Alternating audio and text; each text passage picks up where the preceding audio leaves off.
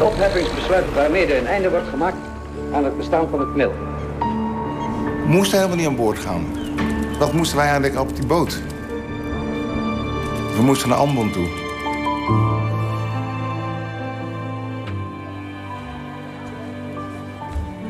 De pijn van een Molukker kan een Nederlander nooit voelen.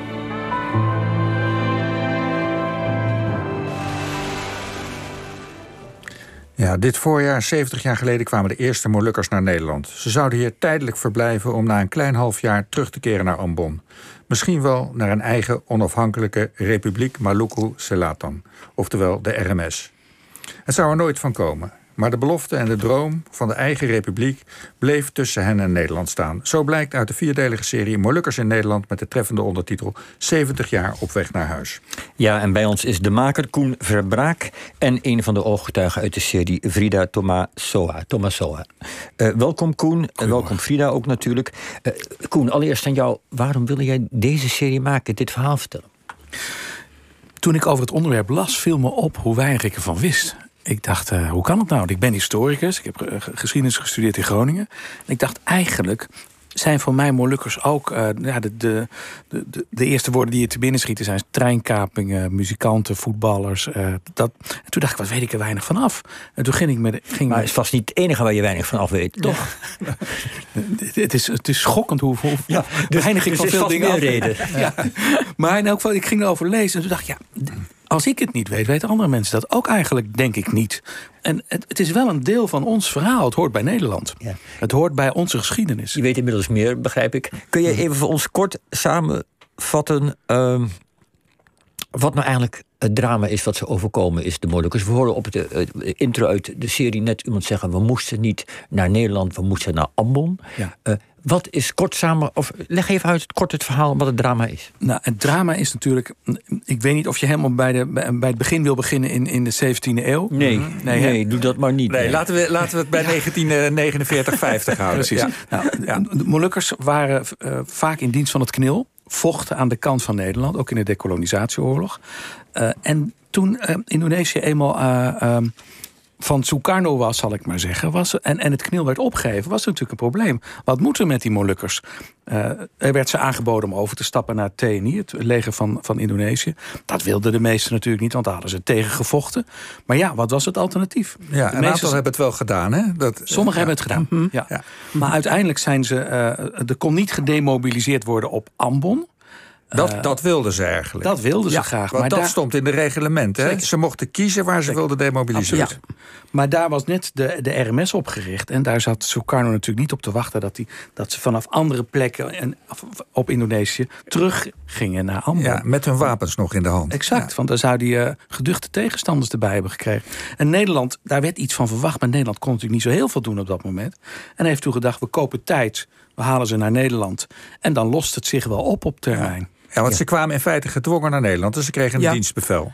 Ja, want uh, op een gegeven moment hebben een aantal sergeant-majoors... onder leiding van de heer Apono... die zijn naar Nederland vertrokken... en hebben dus de Nederlandse regering voor de rechter gehaald... voor die demobilisatieprocedure. En daar kwam uit de bus van Nederland... jullie zijn verplicht, want het zijn jullie onderdanen... als ze dus niet gedemobiliseerd kunnen worden... haal ze dan naar Nederland.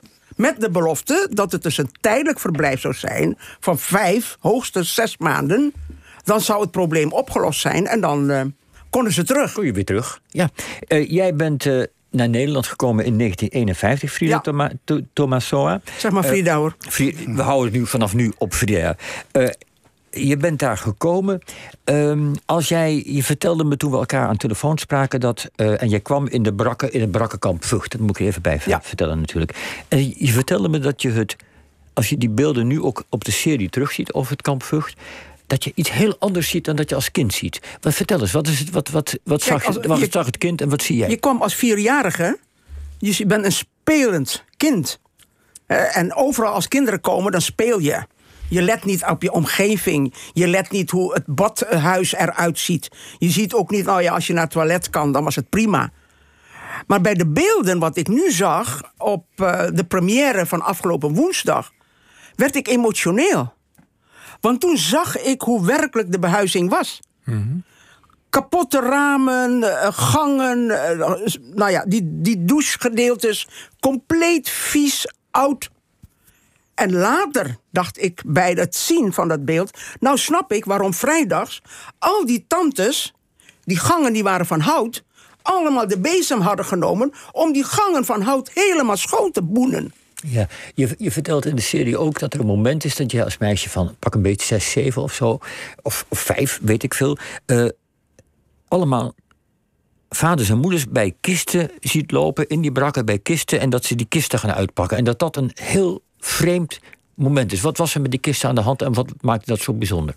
Dat waren lange barakken waar wij dus in woonden, met kamertjes. Maar voor heb je een galerij. En in die galerij, dat noemen wij toen de corridors, waren al die knilkisten opgestapeld. Van ja, als we teruggaan, is alles nog gewoon intact. En toen kwam dus het bevel van de overheid, dat was Commissariaat Abonneezorg, CAZ, met de mededeling: eh, nu krijgen jullie keukentjes aangebouwd. Toen kwamen dus ook die eh, eh, verval van zelf halen van eten in pannetjes voorin in de gaarkeukens. Met andere woorden, jullie verblijf wordt definitief. Dus de kisten moesten open. Ja, en maar deed iedereen het ook? Want het, er is ook het verhaal dat veel mensen nog, nog hun koffer klaar lieten staan. Van Klopt, het kan toch klopt. ieder moment gebeuren. Er waren ook mensen die hebben gedacht en gehoopt nog in stilte. Ach, Maar wat maakt het zo bijzonder voor jou als kind toen je dat zag? Wat, nou, wat ik zag die er? mensen die kisten openen, die moeders huilend. En die vaders die proberen, tenminste mijn vader, die probeerde zijn emotie vast te houden. En ik zag natuurlijk aan zijn ogen, zo streng als hij was, zag ik er is iets. En je zag het verdriet van die mensen bij het openen van die kisten. Mijn moeder, de vijzel, de wok, alle keukengaar, alles moest eruit. Ook kleding die ze eventueel apart hebben ingepakt. Van als we teruggaan, dan heb ik mijn mooie sarongs dit nog. was en het alles. moment dat, ze, dat, dat jij kon voelen, er is iets erg. En Ja, dat zij begrepen, voelde. we gaan Ja. niet meer terug. Ja. Als Ja. kind wist je, er is iets gaande, maar er werd niet over gesproken. Maar was dat verdriet niet van begin af aan? Want werden niet al die vaders ontslagen op de dag dat ze aankwamen in Nederland? Kijk, het verdriet is zo dat militairen. die brengen niks thuis. In opdrachten tijdens ook de koloniale periode. Je kreeg een opdracht en je ging. Moeders wisten ook niet. Mijn moeder wist nooit: komt hij levend terug of niet. Dus ook dat soort emoties werden nooit getoond. Maar je leefde wel in een situatie waarin je als kind altijd het gevoel had gehad: dit is niet normaal. Ja, la- laten we even gaan luisteren naar een, een, een, een- moment uit de documentaire van eh, Koen Verbraak. eh, waarin een aantal zoons, tweede generatie, vertelt hoe het voor een vader was dat ze uit het knil werden ontslagen van de een op de andere dag toen ze in Nederland kwamen. Gedemilitariseerd, zoals het officieel heette. Eh, laten we even luisteren. Hij was altijd blij en trots dat hij een soldaat was. En dan was hij in één keer niks. Molukkers zijn trotse mensen. En militair zijn was voor mijn opa een status. En als dat dan in één keer wordt afgepakt. Ik kan me zijn verdriet kan ik wel inbeelden. eh, hoe hij zich in die tijd gevoeld moet hebben. Ja, dan ben je toch een beetje ontmand, zeg maar. Van het ene moment ben je iemand. En het andere moment ben je nobody. Er zit zoveel pijn bij die ouders, bij onze vaders. Weet je, ik kan nog steeds... Ik, ik heb daar nog st- steeds die woede in mij. Ja, ik heb nog steeds die woede in mijn Frida. Als jij dit hoort, hè, jouw vader was ook knilmilitair. Ja, Herkenbaar. zeer herkenbaar. Zeer Ja, herkenbaar. vertel. Alleen, ja, ehm, die woede, zoals eh Noes dat weer geeft, dat leeft bij ons nu nog. Ja. Hè, Die want woede als speciaal als dit onderwerp weer aangekaart wordt, ja, dan brengt dat ook heel veel emoties los. Ja, die woede is geërfd door de generaties daarna. Ja, ja. En, en, en als je probeert die woede te benoemen, want jouw vader vocht voor het nee. Wat, wat is precies. eh, Maar als ik het verhaal van mijn vader moet nou, vertellen, kort dan zijn we- krachtig. Nou, doe maar gewoon. eh, Dat kun je best in, in, in 40 seconden. Mijn vader was eh sergeant. Hij heeft eh, tijdens de Japanse bezetting was hij hoofd van de eh ondergronds verzet. Hij heeft de prominente vrouwen van prominente Nederlandse burgers toen eh, verborgen gehouden. En heeft eh, ook daardoor hebben ze hem gepakt, opgevangen. hij was bezig om het wapendepot te controleren voor de beveiliging. Toen heeft een Javaanse inlander hem met een kleewang, dus een zwaard, heeft in zijn nek, in zijn hoofd, heeft hij een slag en met zijn hand geweerd, waardoor hij vier vingers niet meer kon gebruiken. En is bloedend in een trein zes uur lang vanuit die wapendepotplek naar het ziekenhuis in Jakarta vervoerd. Dat was tijdens de Japanse bezetting. Toen vocht hij dus voor de vrijheid van Indië en Nederland. Ja. Voor koningin, God Ja. en vaderland, voor Oranje. En Datzelfde na- heeft hij ook nog een keer daarna gedaan. Precies. En dus hij voelde zich enorm eh, verra- verraden eigenlijk. Zwaar. Nou, dat hebben we het netjes, netjes gezegd. Enorm vind ik nog netjes gezegd. Want daarna moest hij weer tegen de Indonesiërs, omdat dat een bevel was. Hè, die onafhankelijkheid van Indonesië, daar was men niet mee eens. Dus daar opnieuw ingezet. Nou, dat was verschrikkelijk. Nog niet eens hersteld van de eerste situatie, dieper gegooid in die tweede situatie. Al- Als we, als we de, de dus het is helder waarom hij zich verraden, zeg je, ziet eigenlijk tekort. Als, als we even de grote lijn oppakken, Koen. ehm Molukkers komen naar Nederland. Ze worden eerst in barakken en kampen gestopt. Dan komen er eigen woonoorden. Eh, dat noem jij zo, hoe noem jij dat weer eens, Frida? Die? Barakkenkampen. Ja, maar die andere, die woonoorden, Woonoord IJsseloord, dat was toen een verbeterde situatie. dat was van steen. Dat, nee, dat waren houten barakken. Maar je had eigen wooneenheid. Met een huiskamer, het toilet, dat was al iets, en een keukentje. En je had je eigen slaapkamer. Ja. want in het begin konden jullie ook niet zelf koken bijvoorbeeld. Nee, hè? gaarkeuken. Ja, en Is het, is Ja, het nou je zo mocht dat- ook helemaal niks. Hè? Je, moest- Nee, je mocht je mocht niet er niks. werken. Eh, Nee. ja. Niks. Is, Nee, is het interessant nou is, zo dan is er zo'n gaarkeuken. En wat krijgen die Molukkers Nou, wij dan? kregen. En, en, ja, en maar los van dat, die aardappelen, Ja. dat lusten wij niet. Het waren, leken wel glazige bolletjes wat je op je bord kreeg. Ja. En bleek later misschien dat het eh, voer was voor eh, vee. En toen hebben ze geprotesteerd. Mijn vader onder andere in Vught. En toen mochten ze zelf gaan koken. Ja, het, het, eh, het, het lijkt er eigenlijk steeds op, als je die geschiedenis bekijkt, dat zal Koen ongetwijfeld, ik weet niet hoe Koen dat ziet, maar het lijkt eigenlijk of die Nederlandse overheid en regering maar niet zich wil realiseren dat er een groot trauma leeft bij de Molukkers en dat ze daar toch een beetje overheen walsen. Is, is dat het gevoel, is dat een begrijpelijk Ik denk terecht dat je, gevoel? dat, dat je dat je dat goed eh, samenvat. Ik denk dat er ook niet echt een visie was op wat er moest gebeuren op dat moment. Dat het ad hoc beleid was en kijken of, of de tijd het zou oplossen. Als we eh, een sprongetje maken in de tijd, eh, dan wordt het 1970. Dan wordt de Indonesische president eh Suharto uitgenodigd. Voor, of, of uit, hij komt in ieder geval op officieel Ja, staatsbezoek. staatsbezoek. Dat is een klap voor de Molukkers, zeg jij, Frida. Want vanaf dat moment begint eigenlijk de radicalisering. Klopt, klopt, ja. Want op een gegeven moment horen wij dus, Suharto komt. Nou ja, ik was toen ook eh, leidster van de jongerenorganisatie. Ik zeg, hoe kan dat nou?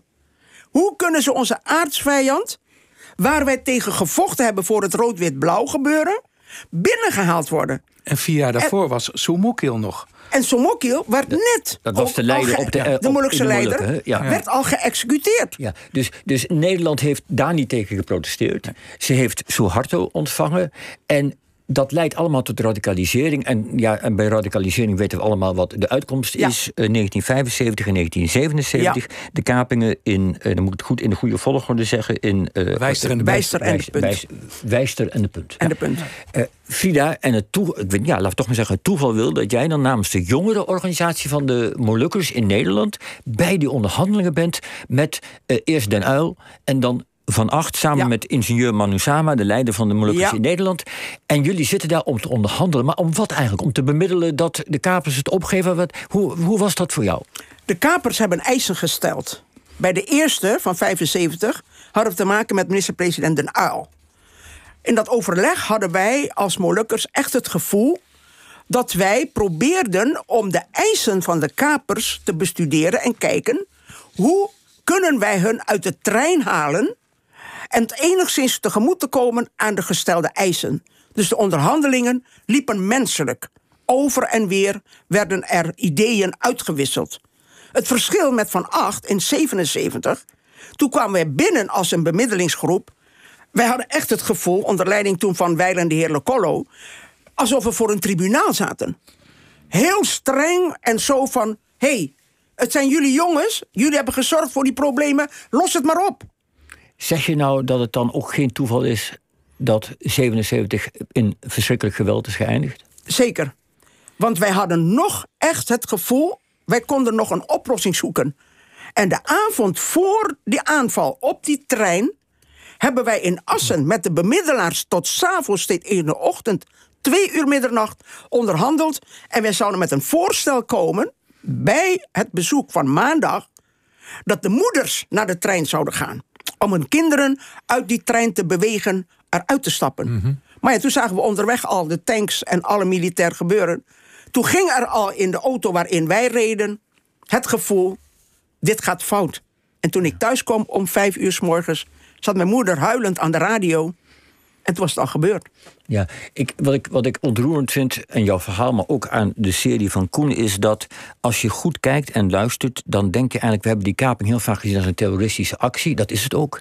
Maar Nederland draagt daarvoor heel veel verantwoording door een langdurige fase van ontkenning. Is, is dat de conclusie? Dat is in elk geval wel mijn conclusie. Als je, als je de, de, de opeenstapeling ziet van, van toch vernedering op, op achteruitstelling, op, noem maar op. Dan kun je wel voorstellen dat dat op een gegeven moment de maat vol is. Dat betekent natuurlijk niet dat je mensen moet gaan doodschieten. Mhm. Want volgens mij heb je, kun je dat niet verantwoorden. Maar wel dat je zegt, en nou gaan jullie op een andere manier luisteren. maar had, had dat middelkaping niet ook mee te maken dat zo halverwege de jaren zeventig er overal in de wereld gekaapt werd? Van Japan tot het Midden-Oosten, de- Duitsland. De, maar op. Palestijnen zetten de toon Precies. toen. En, en, maar ook eh, de Rode Armee-fractie, eh, de Rode Brigades. eh, dat, dat was, en het interessante vind ik zelf altijd... dat die jongeren elkaar gingen ontmoeten via een tienertour. En langzaam maar zeker kwamen de plannen via die tienertour... tot een treinkaping. Dat is toch een, een beetje een navrant detail, vind ik zelf. Dat mag je wel zeggen, ja. Ja, Frida, tot slot. eh, als we naar de situatie nu kijken, er zit nog steeds wrok. Zien we eh, in eh, de serie terug. Zou de Nederlandse overheid iets, daar nog iets aan kunnen doen nu? Nou, ik denk sowieso. eh bevreemdt ons ontzettend dat koning eh, Willem-Alexander in Jakarta zijn excuses aanbood aan de Indonesische regering over het optreden. Toen kwam bij ons de vraag: en wat met ons? Ja, Achterstallig soldij van onze ouders, zeven, acht jaren nooit betaald.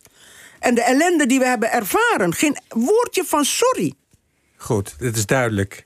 Excuses aan de Molukkers zou ook op zijn plaats zijn. Eh, Frida Tomasoa en Koen Verbraak, bedankt. De serie De Molukkers in Nederland 70 jaar op weg naar huis... is dus vanaf aanstaande woensdag 19 mei... vier weken lang te zien op NPO 2. En er is ook een boek geschreven door Koen Verbraak... De Molukkers, een vergeten geschiedenis.